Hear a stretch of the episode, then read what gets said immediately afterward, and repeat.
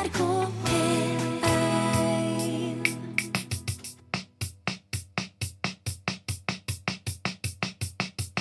Lyden av rytmeboks er lyden av utakt. Godt humør på mandagskvelden ved Per Øystein Kvindesland og Bjørn Olav Skjæveland. Vi er klare for sesongpremiere. Ja, vi er det, eh, og i anledning sesongstart Jeg må få lov å fortelle hva som har skjedd. Ja, vi har gjort sånn som de gjør på TV. Ja, når programmene starter igjen for sesongen, så tar de jo og endrer fasaden. Skikkelig oppussing. Det har vi òg gjort. Alt er nytt. Det er nytt og større studio. Vi har fulgt det med publikum. Vi har fått live-orkester. Meg og deg har fått nye dresser. Det er nye lyssetting. Kontorstolene vi har, er bytta ut med lenestoler i skinn. Kjenn, Legg deg tilbake og kjenn hvor godt det er. Hæ? Men innholdet der, Skjæveland? Innholdet? Ja. Det er akkurat som før.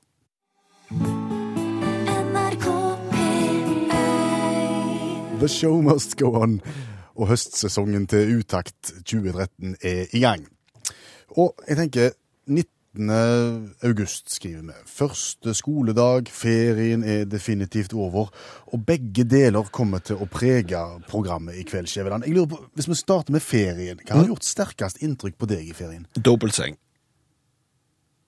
Ja, det er mange som har sterke inntrykk i dobbeltseng. Ja, Nei, ikke, ikke sånn sterke inntrykk i, i, i dobbeltseng, men det jeg etterlyser er et europeisk regelverk, rett og slett et EU-regulativ som, som kunne bestemt bredden på det som blir kalt for dobbeltseng.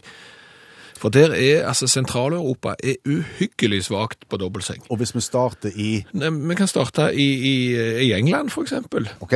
Vi kan eh, ta inn på et hotell et stykke ut forbi London eh, denne sommeren 2013. Et enormt familierom. Det var så svært. Altså, det var plass til to familier og vel så det. Og der hadde de da plassert ei dobbeltseng, påsto de, som var så smale at du kunne jo knapt snu deg om du var alene. De hadde prioritert golfplass, på en måte. Ja, det, det, under enhver kritikk, du ligger helt på kanten. Bokstavelig talt på kanten ligger du. Så, så, så, så engelskmennene har ikke greie på dobbeltseng. Så da dro familien Skjæveland videre til Med tog til Frankrike. Og der var det bedre. Der var det ikke bedre i det hele tatt. Der var senga lågere, Lavere. lavere og, og i tillegg like smale. Det er jo sånn at du, du, du kan ikke snu deg. Du, du må ligge der, eller så skumper du borti i den andre personen. Så, så England og Frankrike er katastrofale på dobbeltseng. Så dro familien Skjæveland videre til Spania. Oi. Og der var det ikke hakket bedre, for å si det sånn. Det er så smalt. Altså, Du hadde jo forstått det hvis soverommet var så lite at det eneste som gikk inn var den der smale dobbeltsenga, men soverommene har vært store, og sengene har vært små. Og Derfor så etterlyser jeg jo som sagt noe. sant? Altså, Noen må gå inn og definere. Jeg tror EU definerer absolutt alt i hele Europa, hvordan ting skal være, bortsett fra dobbeltseng. Da vil jeg kanskje skyte inn at mange syns det er relativt trivelig med litt små dobbeltsenger, og gjerne i ferietid. Ja, det- Gjerne når en er sammen og ikke er så mye sammen ellers i året, kanskje, så får en det litt Syke folk. Ja, men altså, hvor tror du den ideen kommer av at det er trivelig å, å ligge omtrent oppå en annen en hel natt i en knøttliten seng? Tror du ikke det er sjølopplevd? Kan ikke være selvopplevd. Nei, jeg nekter å tro at det selv opplevd. fordi at det, det, Hvor- hvor hvor- Nei, men altså, du våkner da morgenen etterpå. Sant? Jeg tror det er amerikansk film sin feil, sant? for der er det noe sånn romantisk at du sola gløtter inn gjennom vinduet med, med hvite gardiner, og så ser de nyfriserte ut, vet du, og så våkner de så glad. Egentlig så har en av de dårlig ånde, håret står rett til værs, det er pinntrangt og klamt og ekkelt. Og, nei, og, og vet du hva? Det der med også, og det der å våkne med å ligge på armen, det ser du også i amerikansk film. Veldig Det er koselig. Det er farlig. Det er farlig. Ja, det, det, det, her, det er ikke tull. Altså, dette, dette vet jeg at er farlig. Fordi at det, hvis du ligger lenge på én kroppsdel det er klart Hvis du våkner da med én på armen som har ligget der hele natta, så kjenner du jo ikke fingrene dine. Og, og det er folk som har ja, de har jo gjerne da inntatt en kasse med blankt brennevin eller noe, og, og ikke vært i stand til å flytte seg når de først har sovna. Så har ligget på sin egen arm, og det har gått så galt at de rett og slett har måttet amputere armen. Så, så den der å ligge en hel natt oppå en av partneren sine kroppsdeler, det, det er livsfarlig. Så, så nei, som sagt Det finnes ikke idyll i dette her. nei, du må til USA. Der er det idyll. Det, jo, men tenk deg. Ja. Altså, det høres gjerne galt ut, men vi var jo i Las Vegas. Ja. Ja. Og, og der eh, var det ikke, på det hotellet så var det ikke enkeltrom igjen, så vi måtte kampere på det som, som de kalte for et dobbeltrom. Ja. Eller leilighet, som jeg ville kalt det. Vi fikk hver sin seng. Vi fikk hver sin seng, Ja. eh, og det var jo da et dobbeltrom med to enkeltsenger, fikk vi beskrevet. Hvor store var de enkeltsengene? Rundt 40 kvadrat. Ja, de var det. Så amerikanerne har jo forstått det. Altså, det lille dobbeltrommet var ca. 240 kvadrat, sengene var 40 kvadrat hver, og det var enkeltsenger. Da kan du forestille deg hvordan dobbeltsengene er. Jeg tror ikke vi skal ha de tilstandene her inne i Europa. Skiveland. Nei, jeg ser at det kanskje er vanskelig i et kriseramma Europa å få et soverom på 250 kvadrat og, og senger som er på 40, men jeg har jo en genial idé her nå, så jeg bare håper at hvis det er en eller annen gründer nå som sitter og lurer på Altså, den ultimate dobbeltsenga, etter min forstand, Ja. den er ca. 1,80. Ja. Og så har han sensorer som aner at i det øyeblikket du går inn i denne rennsøvnen, du merker liksom når du rykker til, sant, og så sover du tungt, da merker senga det. Så deler han seg i to, og blir til to separate, mer sånn kokonger, men nesten så atskilte soverom, sant, på hver sin side av rommet. Så, så ligger du der helt mutters alene og kan bre deg inni denne kokongen her, med, med, som er liksom et eget rom. Han innkapsler seg sjøl måte. innkapsler seg sjøl, ja. Og i det øyeblikket han liksom aner at det nå begynner det å nærme seg vekkerklokketid, eller nå er det noen som skal opp, så umerkelig så går han sammen igjen, og så går på en måte dekks lav, og så er du tilbake på 1,80. Utakt i NRK P1. Og vi tenkte vi skulle snakke litt om første skoledag. Ja, forventningsfulle små som har tatt ferd på en lang, lang utdannelse og en lang skoleferd, rett og slett. Den norske skolen har jo fått en del kritikk. Norske barn kan rett og slett for lite, blir det sagt. Ja, og det kan vi jo lese i samtlige aviser, det om at vi gjør det dårlig i matematikk, plutselig gjør vi det bitte litt bedre igjen, men så gjør vi det kjempedårlig igjen, og så er det alltid noen som, som klarer seg bedre enn oss. Ja, eksempel i Finland. Fin Ja. Finland er landet som kan skole nå for tida. Nå Ja. skal en se til Finland, De, de kan eh, akademia. rett og slett. Men vi tenkte, det er jo veldig lenge siden vi har gått på skole sjøl, så egentlig så kan vi ikke uttale så mye om dette her, så la oss nå snakke med de det gjelder. Ja. Og på en måte finne ut om det er så ille som det. Det, det er rett og slett det vi har tenkt. Så, så det vi har eh, planlagt nå, det er at vi skal følge den norske skolen virkelig med såkalte argusøyne, hvordan de enn ser ut. Sånn at vi vet hva vi snakker om, og så kan vi eventuelt si i en debatt, vet du hva, det er ikke sant. Ungene på skolen nå, de lærer mer enn sine europeiske klassekamerater. Dette blir et høstprosjekt, og, og i sentrum for høstprosjektet Vebjørn, Ja. førsteklassing, førsteklassing, som starta i dag, og som er din sønn. Ja, det er sønnen min. Han begynte i første klasse i dag. Han begynte klokka halv ni. Da var det opprop i, i skolegården. Så ble de kalt inn, satt i ring, og så måtte vi foreldrene gå ned på lærerrommet og drikke kaffe i én time. Så var det slutt. Så var det slutt. Så, så for å vite hva som hadde skjedd i klasserommet, så tok jeg eh, lille posen til, til sides her, og så spurte jeg hva han hadde lært i dag. Jeg lærte ikke så mye i dag, men kontaktlæreren min informerte om hvilke styringsdokumenter som gjelder for min tiårige grunnskoleutdanning. Såpass, altså. Det var jo bra. Var det noe mer? Gireplanen som gjelder nå, er jo Kunnskapsløftet. Og det er et tøft navn som betyr to ting. Om en følger planen, så skal den løfte kunnskapen vår. Og så blir vi gitt en løfte fra staten om kunnskap. Mye fokus på kunnskap, altså den eh, første dagen. Eh, Noe mer?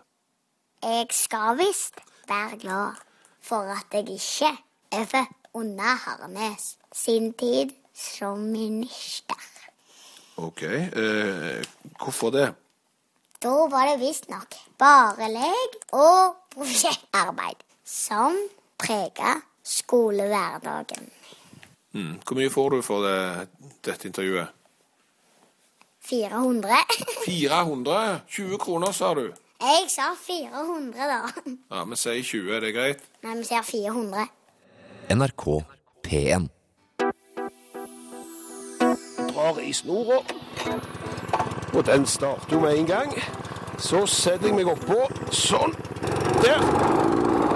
Det bodde en underlig gråsprengt en ytterst på Den høye Oi, au!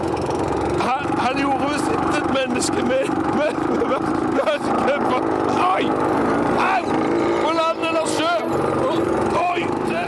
Utakt. Programmet for deg som liker kombinasjonen vibrator og poesi. I Utakt NRK P1, hvor vi har spurt deg som hører på, om ditt sterkeste ferieinntrykk Ja. som sitter igjen. Og, og Øystein her eh, hjemme i Risør syns jo at det helt klart har vært det, det fine været i sommer som har gjort inntrykk kun én dag med regn på seks uker. Og du kan for så vidt skrive under på at det har gitt et sterkt inntrykk på meg òg, spesielt når du betaler i dyre dommer av kredittkortpenger for å reise til Syden for å få det varmt, og bare finne ut at alle som er hjemme hos seg sjøl, har det like varmt og fint. Og apropos sydenpenger, et veldig, veldig sterkt inntrykk er gjort på vedkommende som har sendt denne meldingen her. Det var den dagen servitøren serverte en veldig god konjakk og tok eh, 75 euro per glass. Ikke mer enn ca. 600 kroner. Nei, Hva får du for 600 kroner, tenker jeg i dag. ikke mye. Nei. Men du, du har jo vært i Viva España, du òg. Ja, blant annet. Ja, i Barcelona. Blant annet Si, eh, hva har gjort uh, mest inntrykk på deg? La Sagrada Familia. Ja, det skjønner jeg jo. Det er jo en kolossalt flott, stor katedral og utrolig flott skue. Så jeg skjønner jo at det har gjort inntrykk. Ikke akkurat det som gjorde mest inntrykk med tanke på Sagradaen. Hva da? Jeg er så bekymra for entreprisen. Bekymra? Ja. ja, nei, jeg var i Spania da, så ble jeg så bekymra for Hva da? Ja, for Sagrada-entreprisen. Ja, Kjenner du historien om La Sagrada Familia? litt. Du har fått med deg at det, var, at det er en fantastisk flott katedral som ligger midt i Barcelona? Ja, med masse tårn og høye, høye, høye. Ja, og den er ikke ferdig. Nei. Det bygges og bygges og bygges. Ja, og det viser òg at det bygges Ja, og ja, bygges. ja. Der er, der er heisekraner, og det er masse aktivitet som pågår. Ja, og da ble du bekymra for entreprisen, ja? Ja, jeg, må ta starten her. Ok. Ja. La Sagrada Familia Ja. er påbegynt i 1882. Håper folk noterer nå. Ja, jeg håper det. Arkitekt Antonio Gaudi. Stemmer. Jeps. Dette var jo livsverket til Gaudi, dette mm. her. Eh, Men han døde tidlig, i 1926, bare 74 år gammel.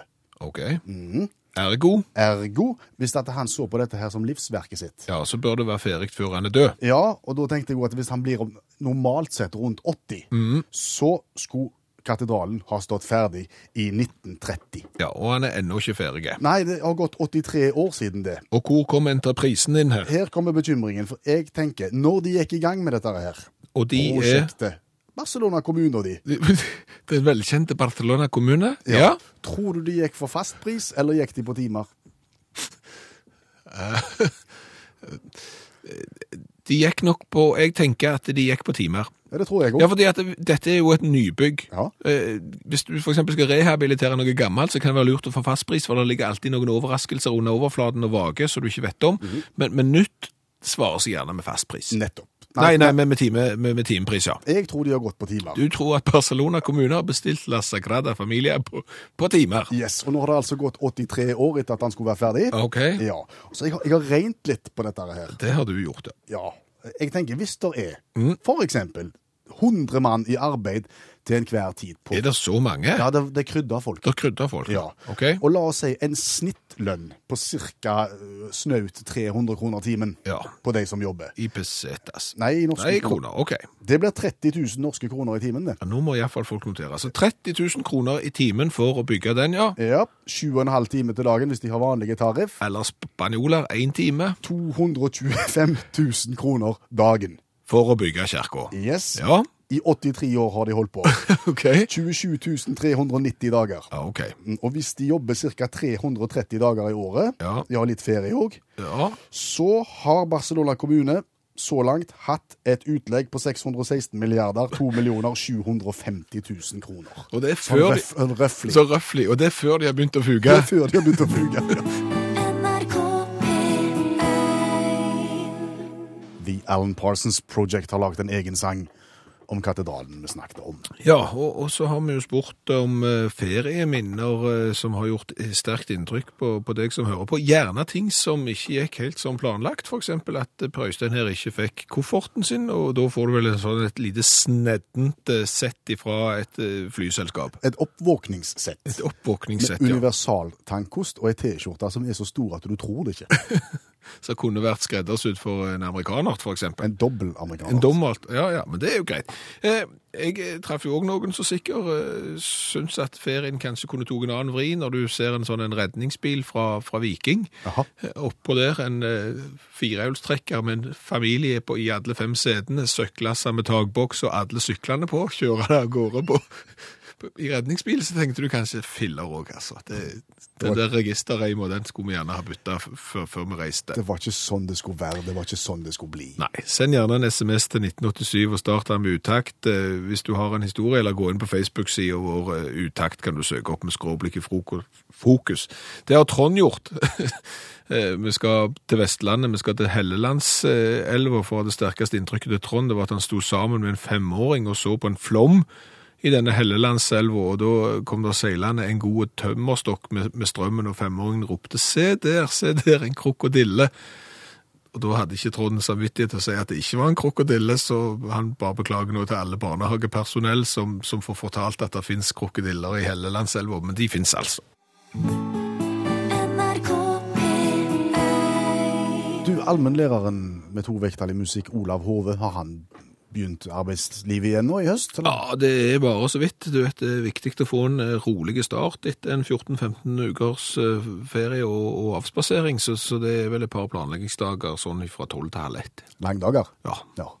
Men, men jeg vet at han har rukket og tenkt litt eh, innimellom, Olav Hove. Han har tenkt litt på søksmål som er litt annerledes enn andre søksmål. Ja, der du gjerne tenker at det var gjerne ikke så lurt å, å gå til sag akkurat her, og, og beløpet var kanskje litt stort.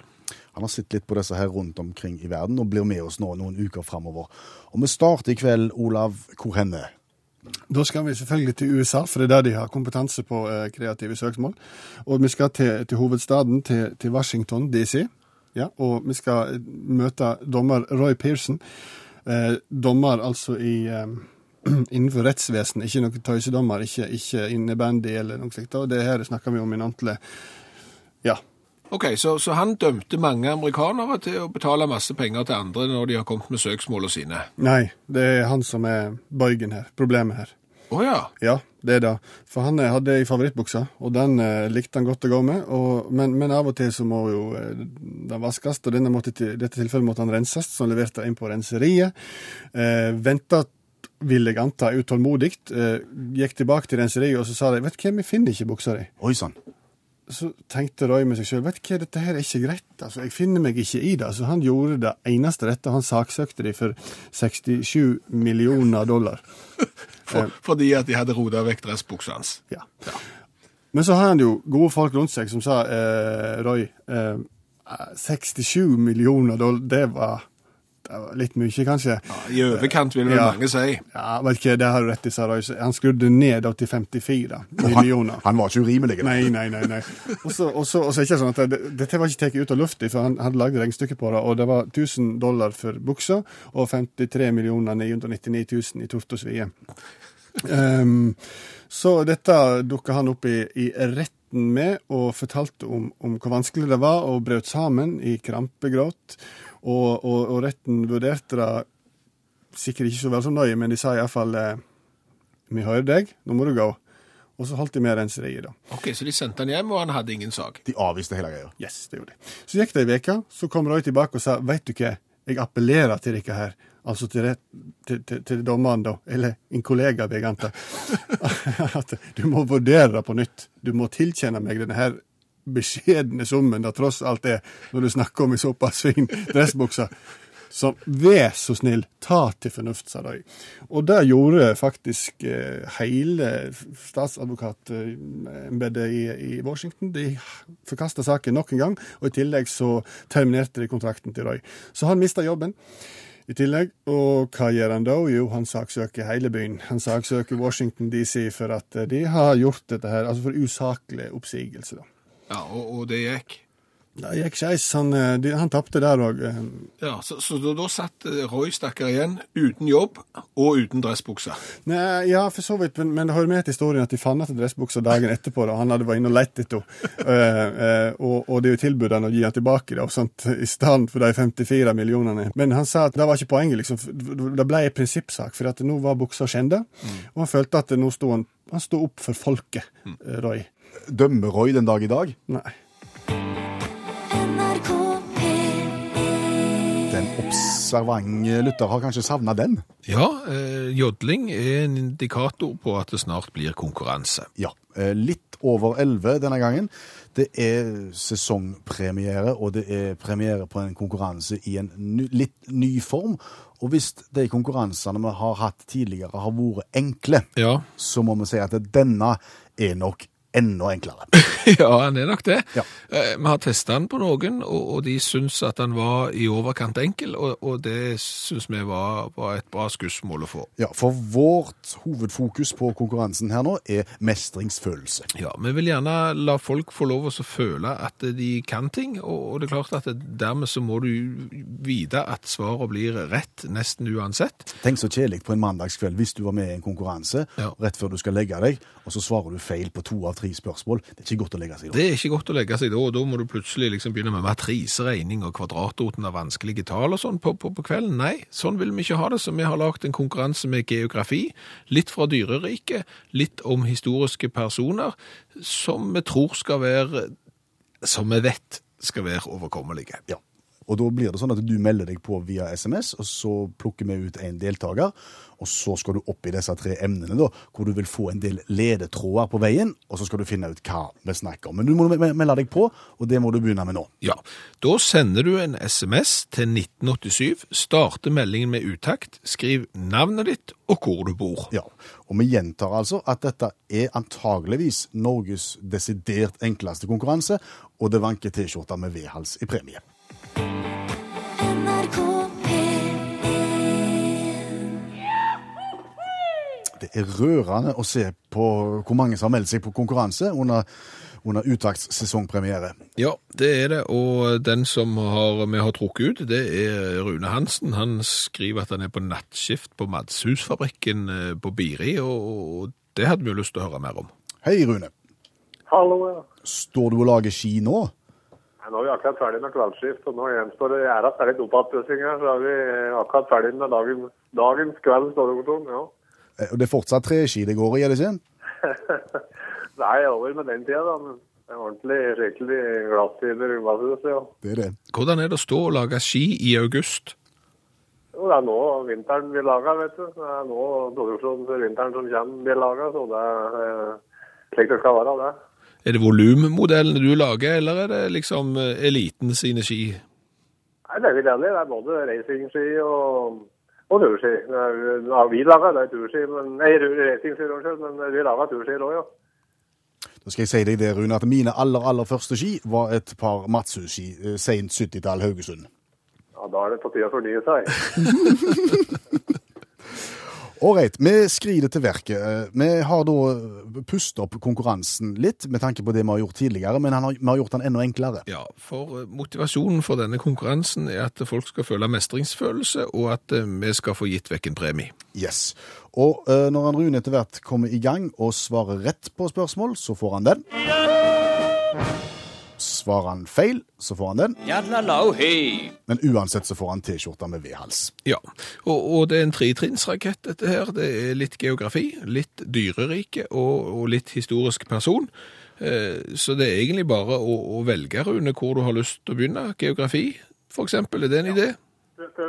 Vi begynner med geografien. Og da er det sånn at du vil få en del ledetråder her når vi skal fram til en by, og så skal du fortelle oss når ledetrådene er ferdige, hvor vi er hen. Er du klar, Rune? Ja, det tror jeg. Ja. Je ne parle pas français. Byen vi skal fram til i dag, er en hovedstad. Je ne parle pas français. Noen tror at byen er oppkalt etter en loff, men det stemmer ikke. Je ne parle pas français. Noen andre tror at byen er oppkalt etter en hotellarving, men hun heter jo Hilton til etternavn, så det stemmer jo ikke. Midt i byen ligger det et kjempehøyt tårn som er oppkalt etter han som lagde det. Ja, og, og, og han heter Gustav til fornavn og, og Eiffel til etternavn. Je ne parle pas français. Språket de snakker i denne byen er fransk. Ja, og det er fordi vi besøker hovedstaden i Frankrike.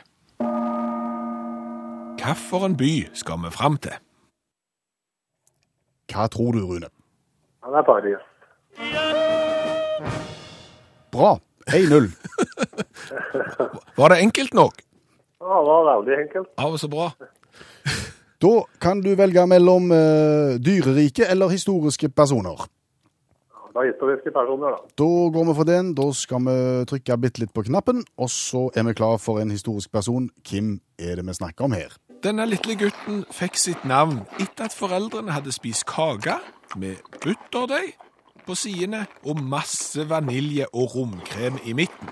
Når han ble litt eldre, så gikk han over Alpene med hæren sin, og de hadde røde renner i buksene.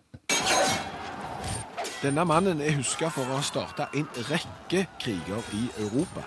Disse ble gjerne kalt for Napoleonskrigene. Eh, Populærorkesteret ABBA lagde en sang om et av slagene hans. Hvilken historisk person skal vi fram til? Ja, Rune? Keiser Napoleon. 2-0 til Biri. Ja, men Vi kan jo bare sjekke Napoleon etternavn. Klarer du det òg? Å nei. Å nei.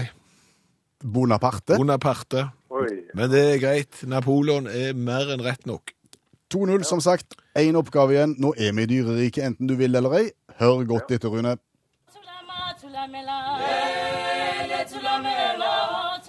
Dyret vi skal fram til, kan du treffe i Afrika og i dyreparker. Det hører inn under hestefamilien, men blir ikke kalt for hest. Dyret kan se ut som en svarte hest og en hvite hest som er blanda sammen, men som ikke er blitt grå. Og dette dyret skimter du hvis du ser dårlig, men du ser det godt om du kan se bra. Hva heter dyret? Rune, Ja, sebra. det var 3-0 rett i posen med en gang, det. Ja, For en kveld. Og det, det er dette vi sier mestringsfølelse, er det ikke godt? Jo, jo. Kan du gå hjem fra, fra kveldsskiftet på Skifabrikken, hjem til Snertingdal, og, og snart få en uh, utakt-T-skjorte med V-hals. Ja, vi utfordrer deg til å kjøpe et par nye racing, eh, nye racing Redline. Også, sier de må være 4000 til vinteren. Du, du skulle sett den på ski, så er det ikke sikkert at du hadde kommet med den anbefalingen der. Du, du hadde gått for truger. Men det er verdens beste skier, det er på dyret i hvert fall. Ha en god kveld, Rune. Takk for at du var med. NRK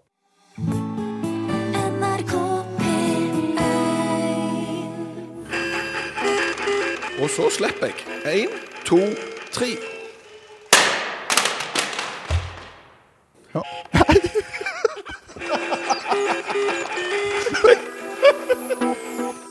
Utakt. Programmet for deg som misliker støyende barneleker. Sesongpremiere på Utakt, hvor vi på en måte går litt gjennom det som vi har opplevd i ferien, og debrifer litt, rett og slett. Og, og, og nå skal vi snakke litt om sandflukt. Sandflukt, intet mindre. Nei, men altså, vi er jo vokst opp eh, på Vestlandet. Eh, Vestlandet har, nå må dere tilgi oss dere andre, men jeg vil påstå at vi har de fineste strendene i Norge. Vi har definitivt ikke den beste badetemperaturen, men vi har kanskje de fineste sandstrendene i Norge. Det skal vi ha. Og, og der har det vært problemer opp igjennom med at denne sanden gjerne flykter. Den forsvinner i løpet av sesongen. Ja, og, masse har vært gjort opp gjennom året for å passe på at den ligger på plass. En har forsøkt juletrær. Ja, og marehalm og andre ting, sånn at den skal ligge der. Og, og jeg ser jo med bekymring på, på sandflukt i, i Syden. Med utgangspunkt i det du har opplevd på Vestlandet. Eh, Ja, men på en litt annen måte. Fortell oss.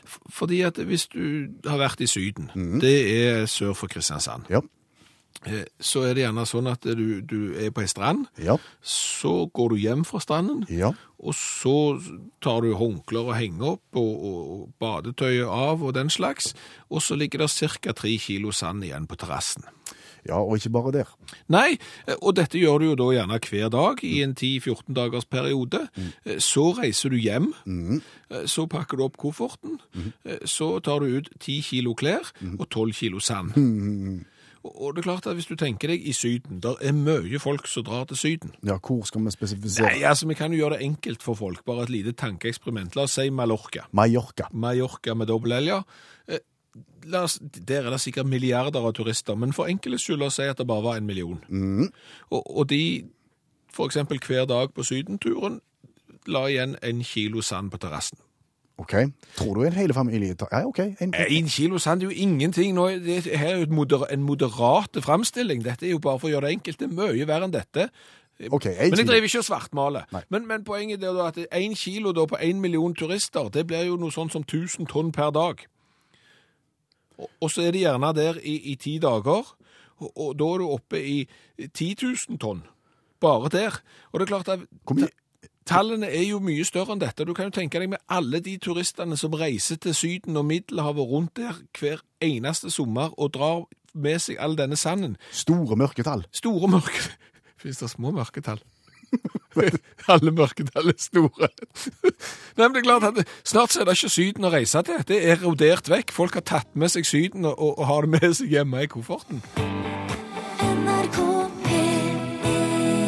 Ja, det kommer mer eh, fra, fra Syden, og, de, og, og det er klart at nå går debatten på eh, SMS her, eh, SMS til 1987 som du har starta med, med utakt på, om vi skal bevare Syden og riste håndkleet skikkelig eh, på stranden. Her- Her har Olaug kommet med et innspill, og, løsninga på dette sandproblemet er å reise til Plataniaskysten på Kreta.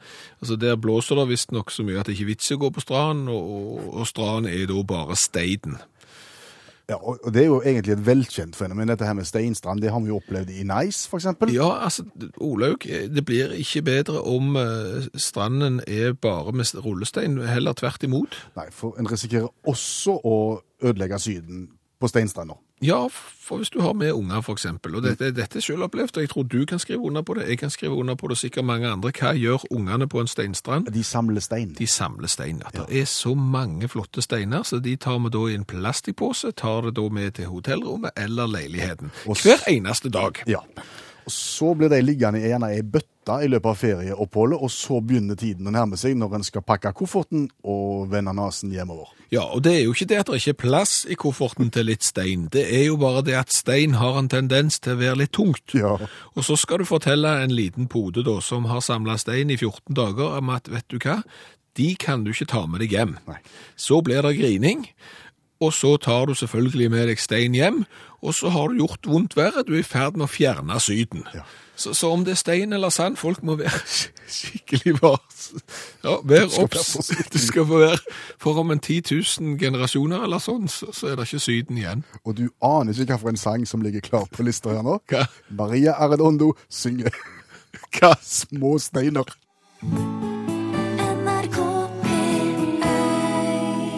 Så har jeg fått en kjekk Facebook-melding fra Jan Erik. Det er rett og slett en oppfordring til deg som eh, hører på utakt akkurat nå. Eh, Jan Erik kjører lastebil og har alltid hørt utakt mens han er ute og, kjører, og alltid syns at det har vært eh, kjekt.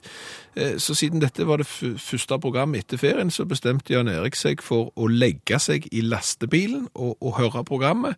Og programmet ble mye koseligere, sier han, når han lå unna i varme dyna istedenfor å kjøre. Så han oppfordrer da alle andre til å, å prøve å høre utakt med dyna rundt seg. Så, så koselig er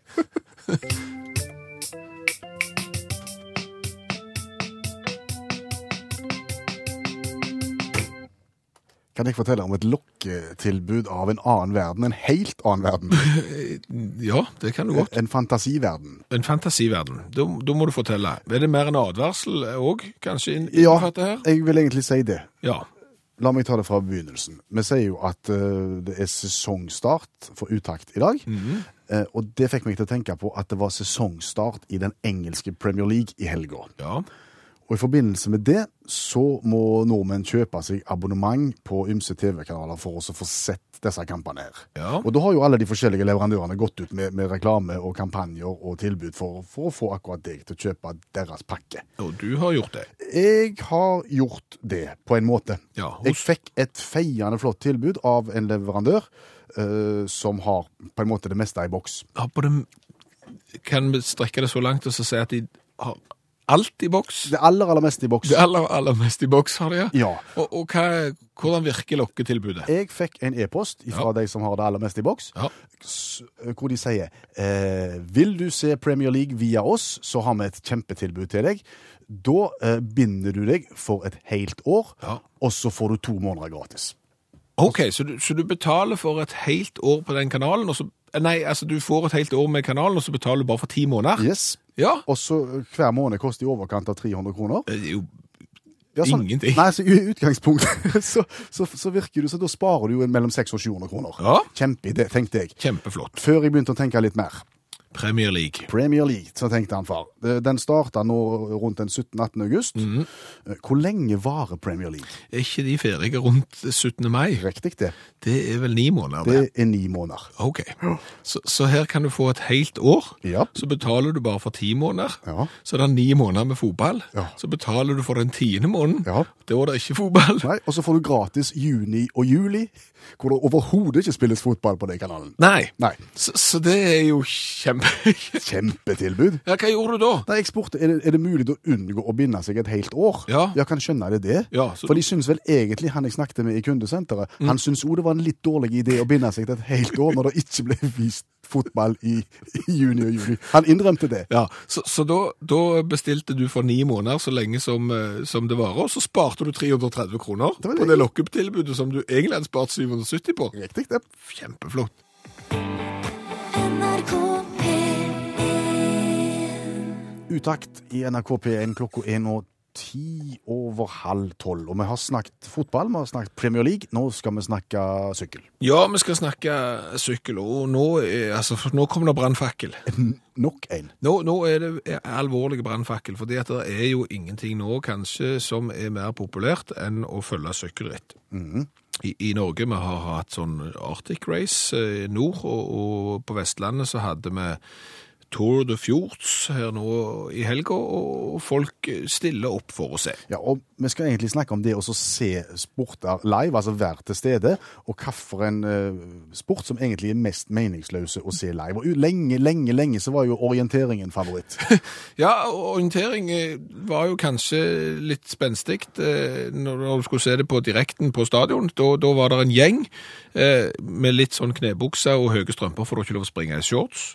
Som forsvant inn i skogen, og så var de inne i skogen i en snaue time, og så kom de ut én etter én av skogen igjen, og så var det slutt. Ja, men fordelen med den er jo at der kommer det én, og så kommer det én til, og, og, og så kommer det én, og så én til. Du får liksom spredd det litt grann utover, og plutselig så ble det ikke den kjedeligste sporten å se live. Allikevel. Ja, de, de har jo fiffa det til når det gjelder TV. Du kan, de, de GPS-merker det jo som ulv og sau når de springer inn i skogen der, og så kan du plutselig følge disse menneskene, og da ble det plutselig spennende. Men, men på stadion så, så var det litt døvt. Ja, Men likevel, jeg, jeg tolker deg dit hen at eh, orientering troner ikke lenger på toppen av pallen for eh, sporter som er meningsløse å se live. På ingen måte. Der har sykkel tatt over. Soleklart. For maken til intetsigende idrett å, å se live og være til, til stede på, det har jeg aldri opplevd. Nei, for jeg vet at du brukte en del av søndagen din til å se litt av Tour de Fjords i Rogaland. Hva Ja, skjedde? ja, altså der har du jo noen av Norges fremste syklister. Tor Hushovd på startstreken, Alexander Kristoff eh, blant annet, som har eh, bronsemedalje i, i OL, var der.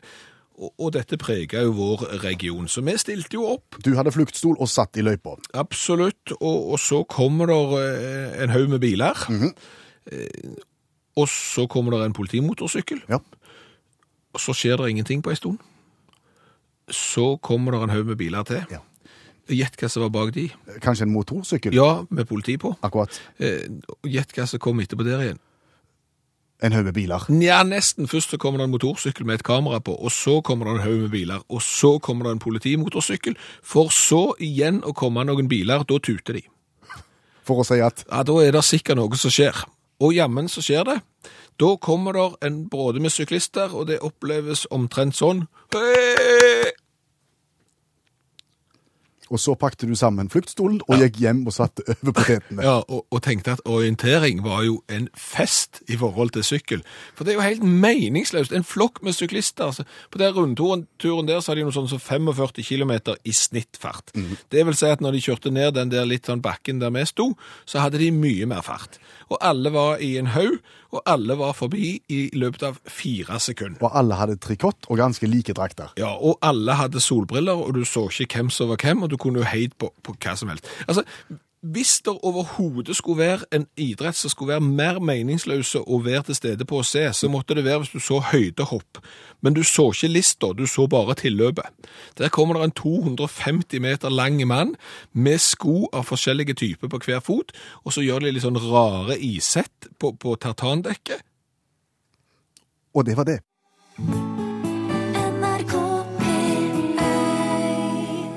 Vi har jo benytta denne sendinga til på en måte å komme oss ned til å debrife det vi har opplevd i ferien. Ja, og rett og slett oppsummere. Hva har vi lært? Hva skal vi ikke gjøre igjen? Hva skal vi eventuelt eh, gjøre igjen? Hva kan være bedre neste gang? Og så videre. Og allmennlæreren med to vekttall i musikk har jo mye ferie, skråstrek avspasering, og har vært mye ute og reist. Og, det han har sagt til oss at han gjerne vil, vil videreformidle i dette programmet, det er for all del, når du er i utlandet, ikke la deg lure av utseendet til mennesker du møter. Nei, det stemmer. Jeg hadde innbrudd i bilen min, eh, og dette her var i Gøteborg.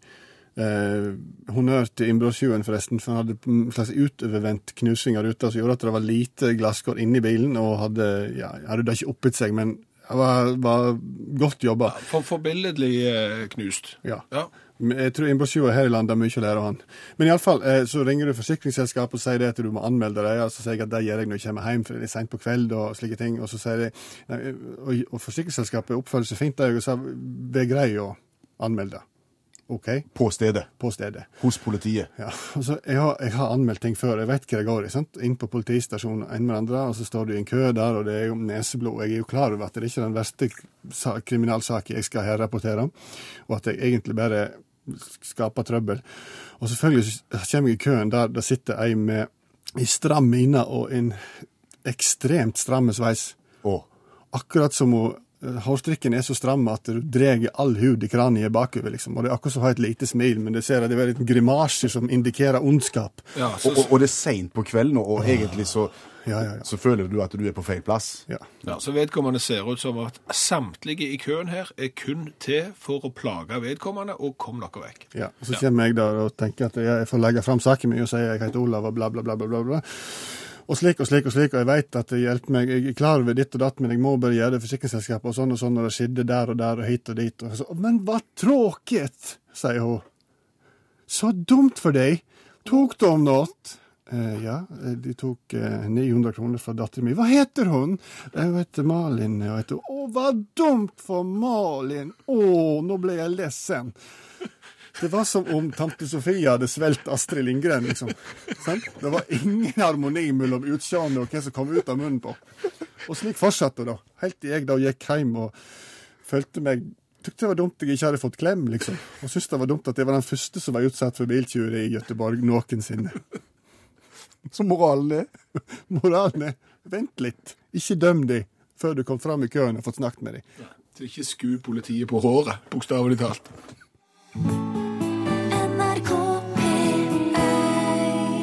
Per Øystein Kvindesland og Bjørn Olav Skjæveland lager programmet. Husk at du kan finne det som podkast etter hvert utover morgendagen også, dersom ikke du får anledning til å få med deg alt. Ja. Kan vi kjøre rulletekst, da? Rulletekst er lite brukt i radio. Tøft. Jo, men det jeg tenkte Ja. Jeg, jeg liker å se film, og, og har sett en del film. Tegnefilm gjør det, og komedier gjør det, og mange gjør det. De, de kjører rulleteksten, og når rulleteksten går, så kjører de gjerne klipp som gikk galt. Som tabbeklipp. Som tabbeklipp. Og dermed så blir folk sittende hele programmet, altså de blir sittende hele rulleteksten og, og se på alt, for det kan være ganske morsomt. Dyret kan se ut som en svarte hest og en hvit hest, som er blanda Du må ikke Nei. Eh,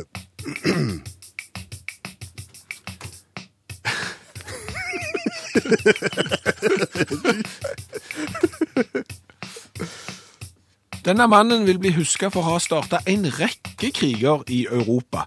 Eh, Disse blir kalt for Napoleonskrigene.